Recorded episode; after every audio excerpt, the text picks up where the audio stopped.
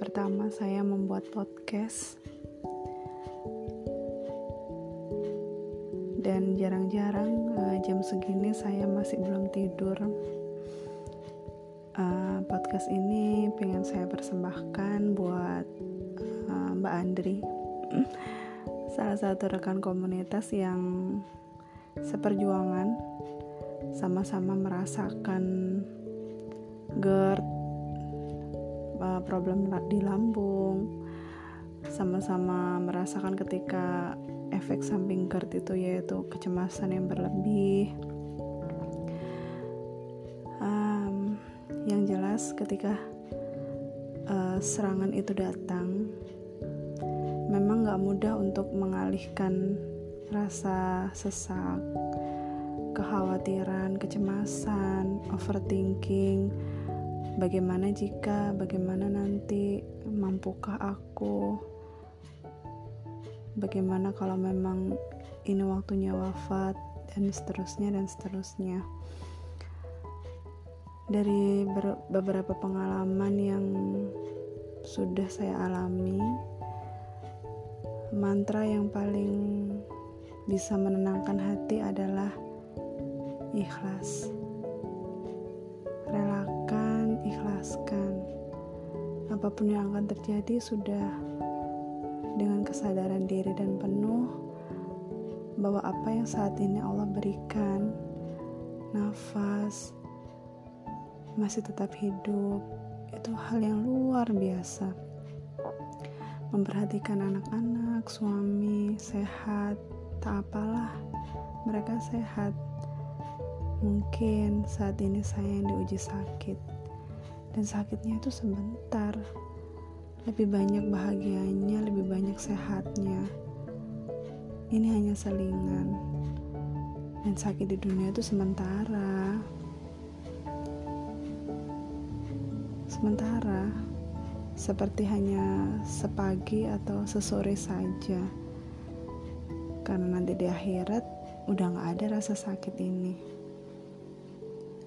dan yakinkan pada diri uh, kita masih masih masih diberikan kesempatan diberikan kesempatan untuk bisa sadar bahwa inilah saatnya untuk memulai hidup lebih sehat lagi. Ya, namanya ikhtiar hidup sehat itu belum tentu jadi sehat, tapi yang dilihat kan ikhtiarnya. Kita pengen sehat. Toh mau orang hidup sehat ataupun hidup sembarangan, ajalnya juga tidak akan berubah. Tapi yang membedakan adalah ikhtiar kita Allah tahu niat kita lillah untuk bisa sehat Allah tahu kita pengen uh, kelak saat memang sudah ditakdirkan ajal menjemput harapannya sih tidak sampai merepotkan orang lain ya naudzubillah. Tapi kalau memang sudah ditakdirkan sakit ya sudah. Ya namanya juga sudah ikhtiar gitu kan.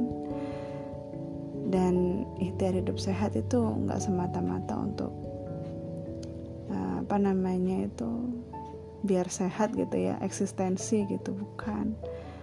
Karena niatnya itu adalah ibadah.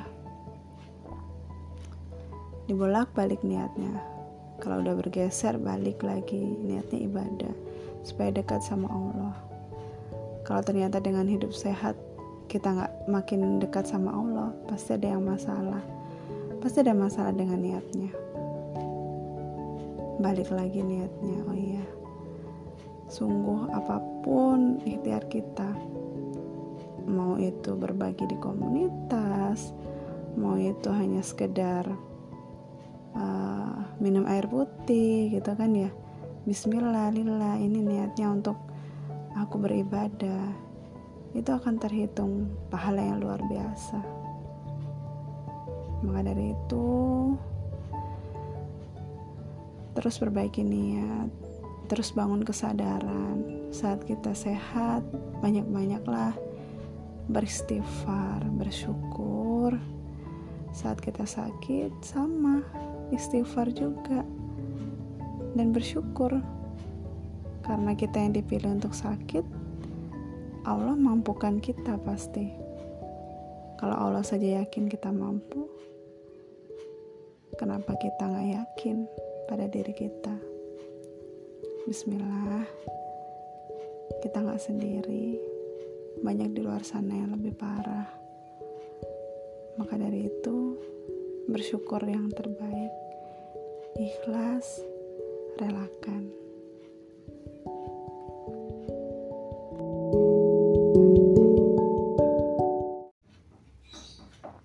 Bismillahirrahmanirrahim.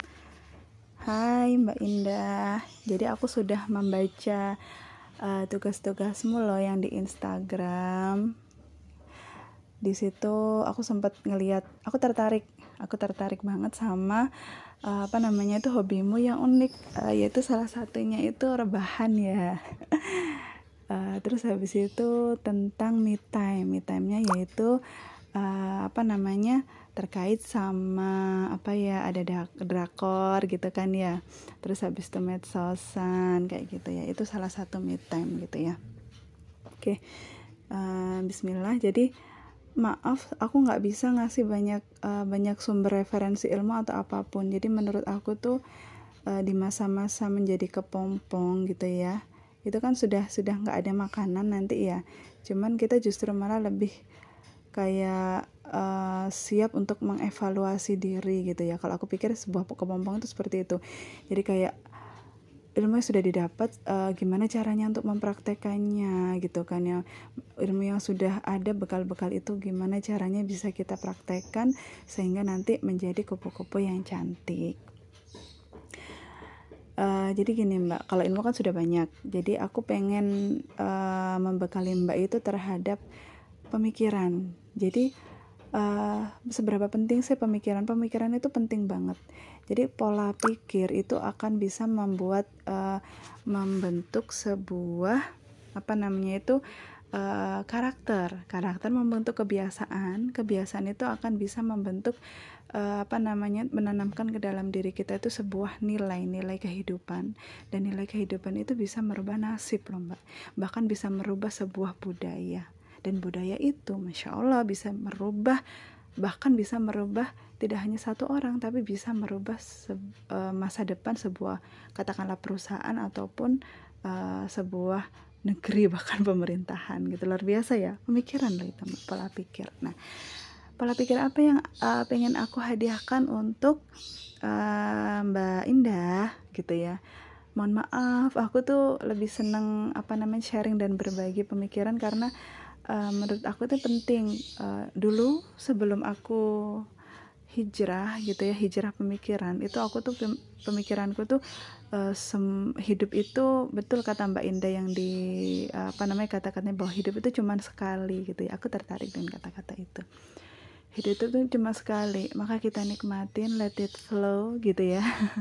Pengen menjadi ibu yang bahagia gitu ya. Nah konteks bahagia yang dimaksud dari Mbak Indah itu sebenarnya apa?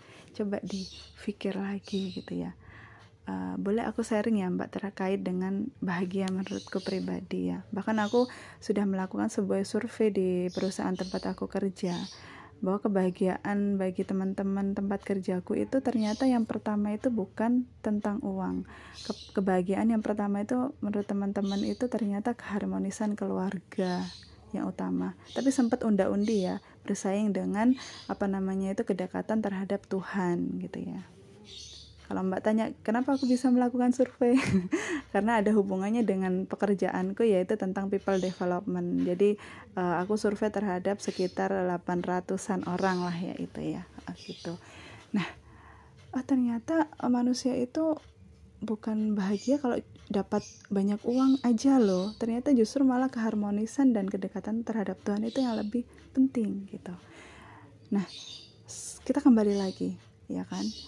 Kalau menurut aku pengalaman aku pribadi kalau kita cuma mengandalkan bahagia itu berlandaskan dengan hal yang apa namanya sifatnya duniawi ya kan?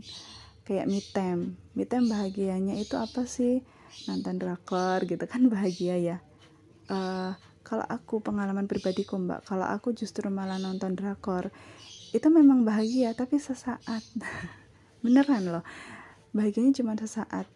Karena memang di drakor itu sendiri isinya itu kebanyakan itu memang kehidupan yang apa namanya itu yang duniawi gitu ya. Jarang kan memang dakor menayangkan terkait dengan apa namanya agama-agama itu jelas nggak mungkin ya. Justru dakor itu yang ditawarkan itu tentang apa namanya misalkan katakanlah balas aku dulu juga mantan drakor sih ya kan drakores apa sih uh, misalkan apa dulunya itu apa namanya miskin kemudian balas dendam gitu ya jadi kaya cantik gitu ya. Terus habis itu uh, drakor itu menawarkan terkait dengan operasi plastik ya kan beautiful gitu. Terus drakor itu misalkan katakanlah seorang apa namanya nasib yang beruntung gitu kan ya. Seorang yang apa namanya miskin sembrono berantakan apa namanya sembrono hidupnya tapi bisa ketemu sama orang yang kaya gitu ya.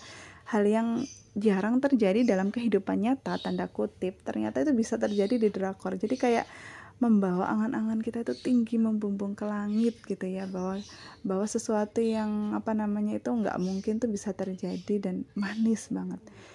Dan akhirnya ujung-ujungnya apa? Ketika ketemu sama suami kita itu jadi over expected gitu ya.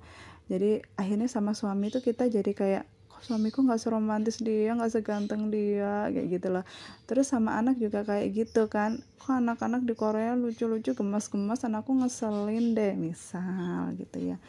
Itu yang membuat aku tuh sudah mulai uh, bahasanya puasa ya. Entah sampai kapan. Yang jelas aku sudah mulai nggak tertarik lagi sama drakor itu semenjak aku mendapatkan ujian sakit waktu itu ya. Sakit sehingga aku masuk UGD dan aku merasa ini inilah saatku untuk mungkin wafat gitu. Bener mbak. Bener-bener mungkin kalau orang lain yang nggak pernah merasakan uh, sensasi mungkin inilah sakaratul maut mungkin uh, orang lain nggak akan mungkin bisa berubah gitu ya mungkin dengan dengan dengan Allah memberikan ujian aku seperti itu aku bisa berbagi sama teman-teman yang lain itu banyak hal gitu. Dan aku mulai mindful terhadap diriku sendiri. Nah Mbak Indah mindfulnya apa nih yang mau dipetik? Itu kan barusan uh, pola pikir terkait dengan bahagia ya. Bahagia itu uh, nggak uh, melulu tentang dunia. Lah mindful mindful bahagia uh, kita mau bahagia itu mindful yang mau di uh, apa namanya pelajarin apa nih? Mbak Indah kalau aku lihat kan suka uh, eh, self care gitu ya. Terus habis itu ada juga terkait dengan parenting dan manajemen emosi. Nah biasanya manajemen emosi self care itu berkaitan dengan uh, sebuah pola pikir atau main main main ya main itu pola pikir. Nah Mbak Indah mau start dari mana? Kepingin bahagia itu? Kepingin tubuh sehat langsing gitu ya cantik gitu ya? Itu berarti mindful eating sehingga nggak baperan ya, jadi eatingnya itu dijaga makanannya itu makanan yang apa namanya itu dibutuhkan tubuh jadi yang alami bukan yang justru toksik kalau kata Agnes Monica kan uh, skincare terbaik itu jauhilah toxic food dan toxic people gitu ya. Toxic food itu apa ya? Makanan kemasan gitu ya makanan-makanan yang mengandung bahan kimia banyak proses gitu ya gluten uh, toxic people ya mungkin tetangga-tetangga yang julid itu memang kita tidak bisa membungkam membungkam kata-katanya benar kata Mbak Indah. Tapi kita uh, bisa uh, mengolahlah diri kita sendiri itu untuk lebih sabar untuk bisa bertumbuh lebih baik lagi dengan adanya toxic toxic tadi. Mungkin itu mungkin kelihatannya toxic tapi mungkin itu yang membuat kita uh, membangun diri kita lebih baik. Itu yang aku pelajari mbak. Kadang ketemu sama orang yang julid memfitnah itu justru malah membuat aku sendiri bangkit dan menemukan uh, kebahagiaan diri itu apa yang harus aku pelajarin dari kelemahanku itu gitu panjang nih udah 8 menit Masya Allah. Tapi seneng banget bahas tentang ini. Soalnya ini aku banget uh, di masa lalu gitu ya mbak. Bahwa aku dulu itu uh, sempat uh, di waktu gadis itu ya kalau udah uh, nonton drakor itu ya hmm, kalau udah episode 1 penasaran harus sampai 16 episode walaupun sampai begadang dan akhirnya apa tubuhku sakit karena memang memaksakan diri untuk menyelesaikan itu. Maraton bahasanya ya mbak. Terus uh, efeknya ketika aku pun sudah melahirkan anakku masih bayi baby gitu ya aku kecanduannya bukan drakor ya drakor tipis-tipis lah bahasanya. Aku mulai terkanjuan terkait dengan komik online sama novel online gitu ya jadi aku tuh nggak mindful dalam parenting dalam ngurusin anak. Nah tadi kan mindful eating sekarang masuk ke mindful parenting. Aku lebih nggak jadi nggak nggak apa namanya nggak mindful ngurusin anak-anak. Kenapa? Karena kalau udah anak rewel gitu ya waduh buruan nih kalau udah anak-anak udah tidur nih aku nih nanti mau baca novel yang ini yang ini yang ini. Soalnya kebayang-bayang nih nanti akhirnya kayak gimana. Itu itu aku dulu gitu ya terus habis itu setelah aku menghadapi yang tadi ya proses kayak sakaratul maut itu aku paham bahwa apa sih yang kita kejar dari kehidupan dunia? Apakah mitem hanya sekedar itu saja yang membuat kita bahagia sesaat gitu? Jadi aku ketemu dengan kata-kata yang uh, ngejelek banget mbak gini kata-katanya. Kalau kamu mengejar dunia itu uh, nggak uh, mungkin kamu bisa dapat banyak. Kalaupun kamu merasa sudah banyak mendapatkannya kamu nggak akan mungkin bisa puas dan kalaupun kamu merasa sudah paling puas nggak mungkin itu bisa lama puasnya. Karena dunia kan memang cuma sebentar ya kan? Di dalam surat apa namanya an-naziat itu dijelaskan bahwa di situ tuh masya Allah ya ada malaikat yang mencabut nyawa dengan sangat keras. Ada malaikat yang mencabut nyawa dengan lemah lembut. Kemudian di akhir di akhir surat itu disebutkan Bismillahirrahmanirrahim إنما أنت منذر من يخشاها كأنهم يوم يرونها لم يلبسوا إلا عاشية أو ضحاها فإنما tadi itu uh, ayat yang sebelumnya itu untuk memancing ingatanku mbak intinya itu apa namanya itu wahai uh, Muhammad itu kamu hanya sekedar memberikan peringatan gitu ya Kemudian bahwa sesungguhnya manusia ketika nanti di hari kebangkitan akan dibangkitkan itu ditanya, kamu hidup tuh berapa lama? Kok kayaknya saya hidup tuh cuma sesore atau sepagi saja, cuma sebentar. Nah, itu luar biasanya karena memang perbandingan waktu an antara di akhirat sama di dunia, aku langsung merinding nih, Mbak. di dunia itu cuma sebentar. Satu hari di dunia itu bisa 50 ribu tahun di akhirat Insya Allah ada yang mengatakan 10.000 tahun.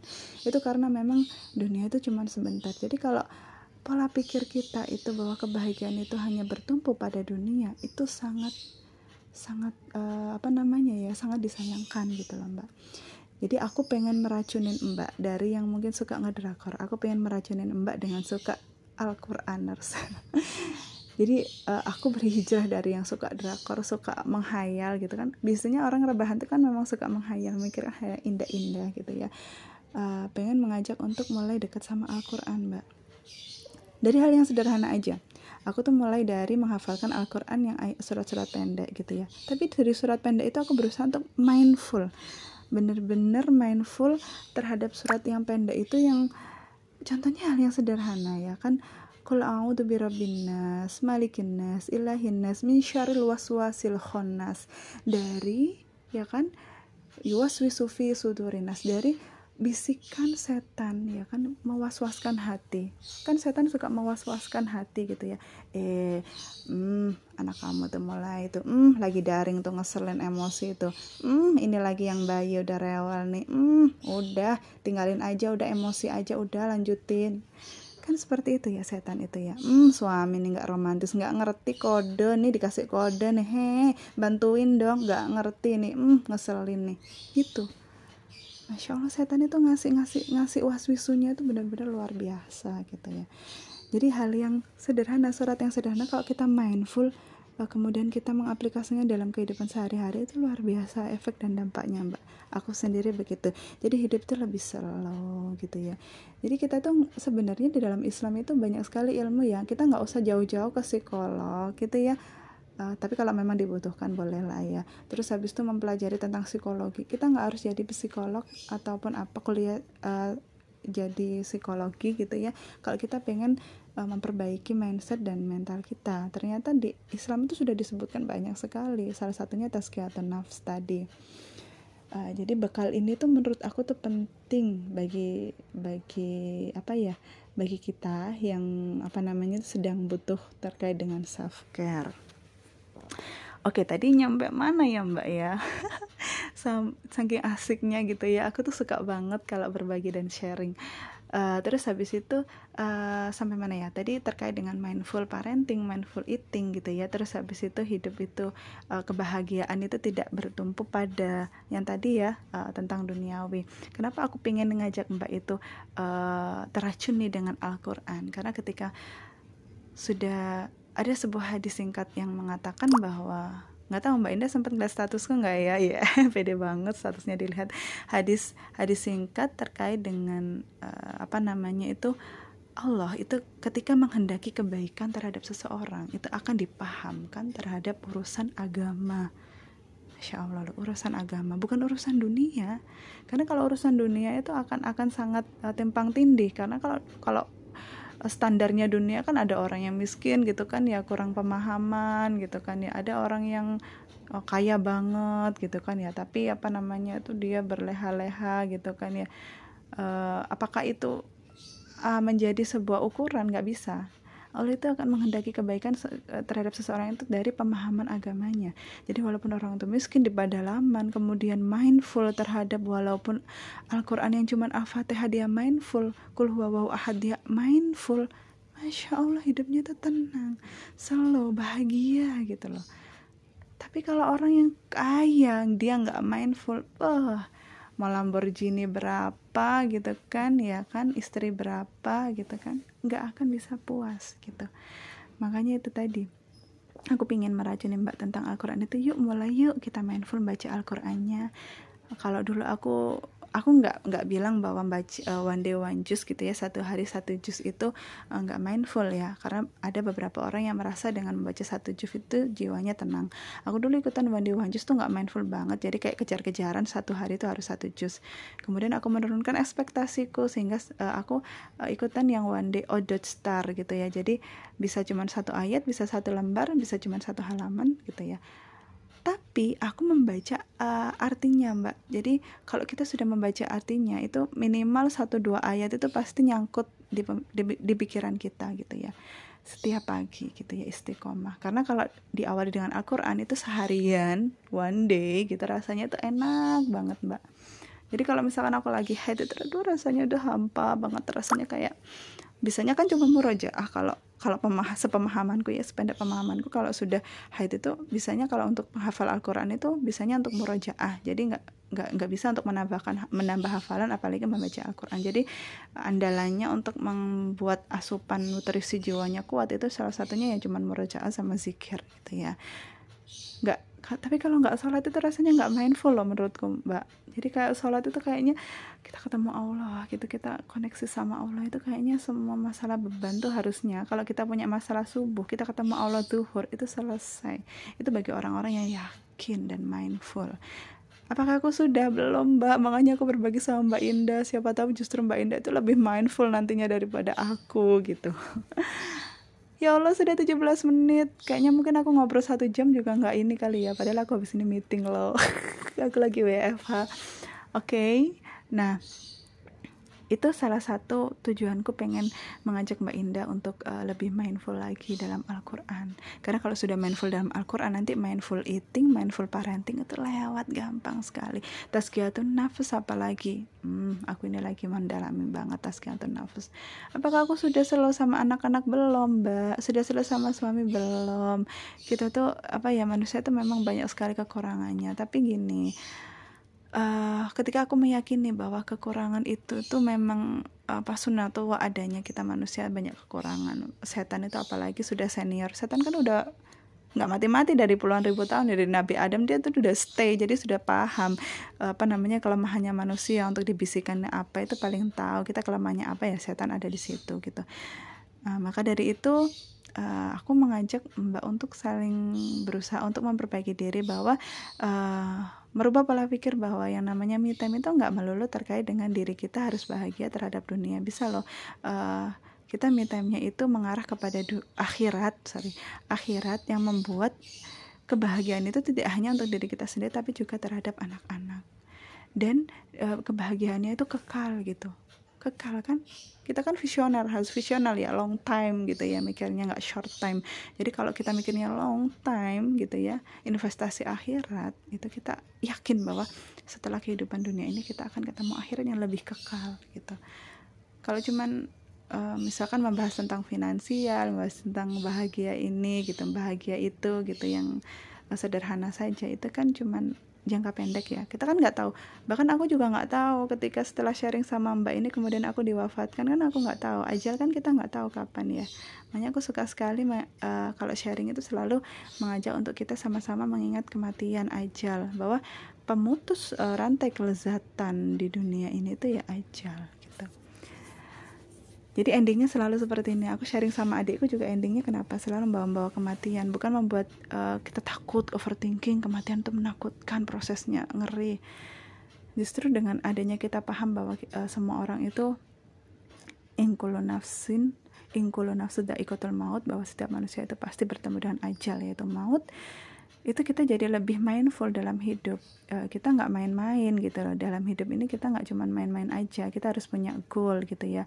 Nggak bisa jadi hidup itu cuman let it flow aja. Kita nggak bisa. Karena memang kita uh, sejatinya di dunia itu kita mencari bekal yang banyak supaya nanti di akhirat kita udah cuman leha-leha. Jadi istirahatnya leha-leha itu di akhirat.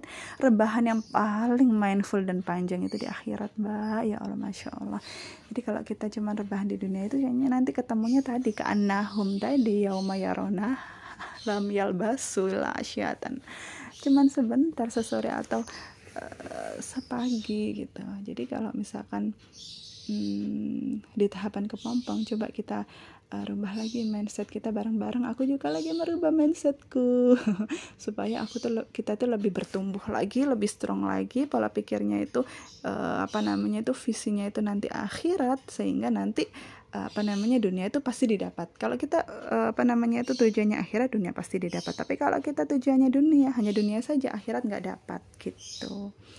Kejarlah akhirat ya kan? Kalau kamu kejar akhirat tadi kan masalah dunia ya. Kalau kamu mengejar akhirat itu pasti akan dapat banyak. Ya kan? Ini kata-kata uh, terakhir ya penutup. Kalau engkau kejar akhirat itu kamu akan pasti akan dapat banyak. Itu pasti dijanjinya Allah itu pasti benar ya kan? Karena kalau misalnya kita melakukan satu keburukan ya kan? Pasti dibalas Allah dengan satu dicatat satu gitu kan. Tapi kalau kita melakukan satu kebaikan dibalas Allah bisa sepuluh bahkan bisa tak terbatas. Contohnya puasa. Puasa itu bisa tak terbatas kan. Apa namanya itu pahalanya. Kalau kamu melakukan satu kalau tujuannya itu akhirat banyak yang didapatkan. Selain banyak itu pasti puas puas bener puas. Nanti kalau sudah di akhirat tuh puas puas puas. Mau nggak ada yang namanya limit itu nggak ada limited edition tuh nggak ada semuanya tuh sampai puas puas puasnya. Mau minta apa aja tuh puas gitu ya. Dan di di akhirat di surga tuh nggak ada kepuasan. Jadi terus gitu kebahagiaan itu akan mengalir deras terus sampai kita puas. Dan kalau kita sudah puas ditingkatkan lagi level puasnya sama Allah itu masya Allah. Itu di surga. Dan ketika kamu sudah puas puas kepuasannya itu tadi. Bukan cuma sebentar tapi akan sangat lama. Karena memang dijanjikan kekal kan di akhirat itu. Seperti itu mbak. Jadi itu penutupnya Masya Allah. Sudah 22 menit. Semoga tidak bosan mendengarkan suaraku ya mbak ya. Mungkin sampai ngantuk-ngantuk kali ya. Tapi mudah-mudahan ada satu dua yang nyangkut ya. Intinya tadi aku pengen mengajak mbak itu untuk teracuni dengan Al-Quran gitu ya. Teracuni dengan uh, visi-visi misi yang mengarah kepada akhirat. Goalsnya itu udah bukan dunia lagi naik level lagi ke akhirat. Karena memang tadi dunia itu sementara akhirat itu selamanya gitu ya. Karena memang kehidupan di akhirat itu lebih kekal daripada di dunia. Gitu ya mbak Indah kalau aku nggak dipaksa mungkin aku nggak bikin podcast kali ya. Akhirnya aku membuat podcast podcast lagi ya sharing dengan Mbak Indah. Mudah-mudahan bermanfaat ya Mbak Indah untuk bekal di kepompong nanti. Mohon maaf tidak uh, bentuk dalam desain yang indah atau dengan bentuk visual yang cantik tapi mudah-mudahan suaraku yang membuat orang lain ngantuk itu bermanfaat. Gitu ya Mbak Indah ya Assalamualaikum warahmatullahi wabarakatuh. Semoga bermanfaat.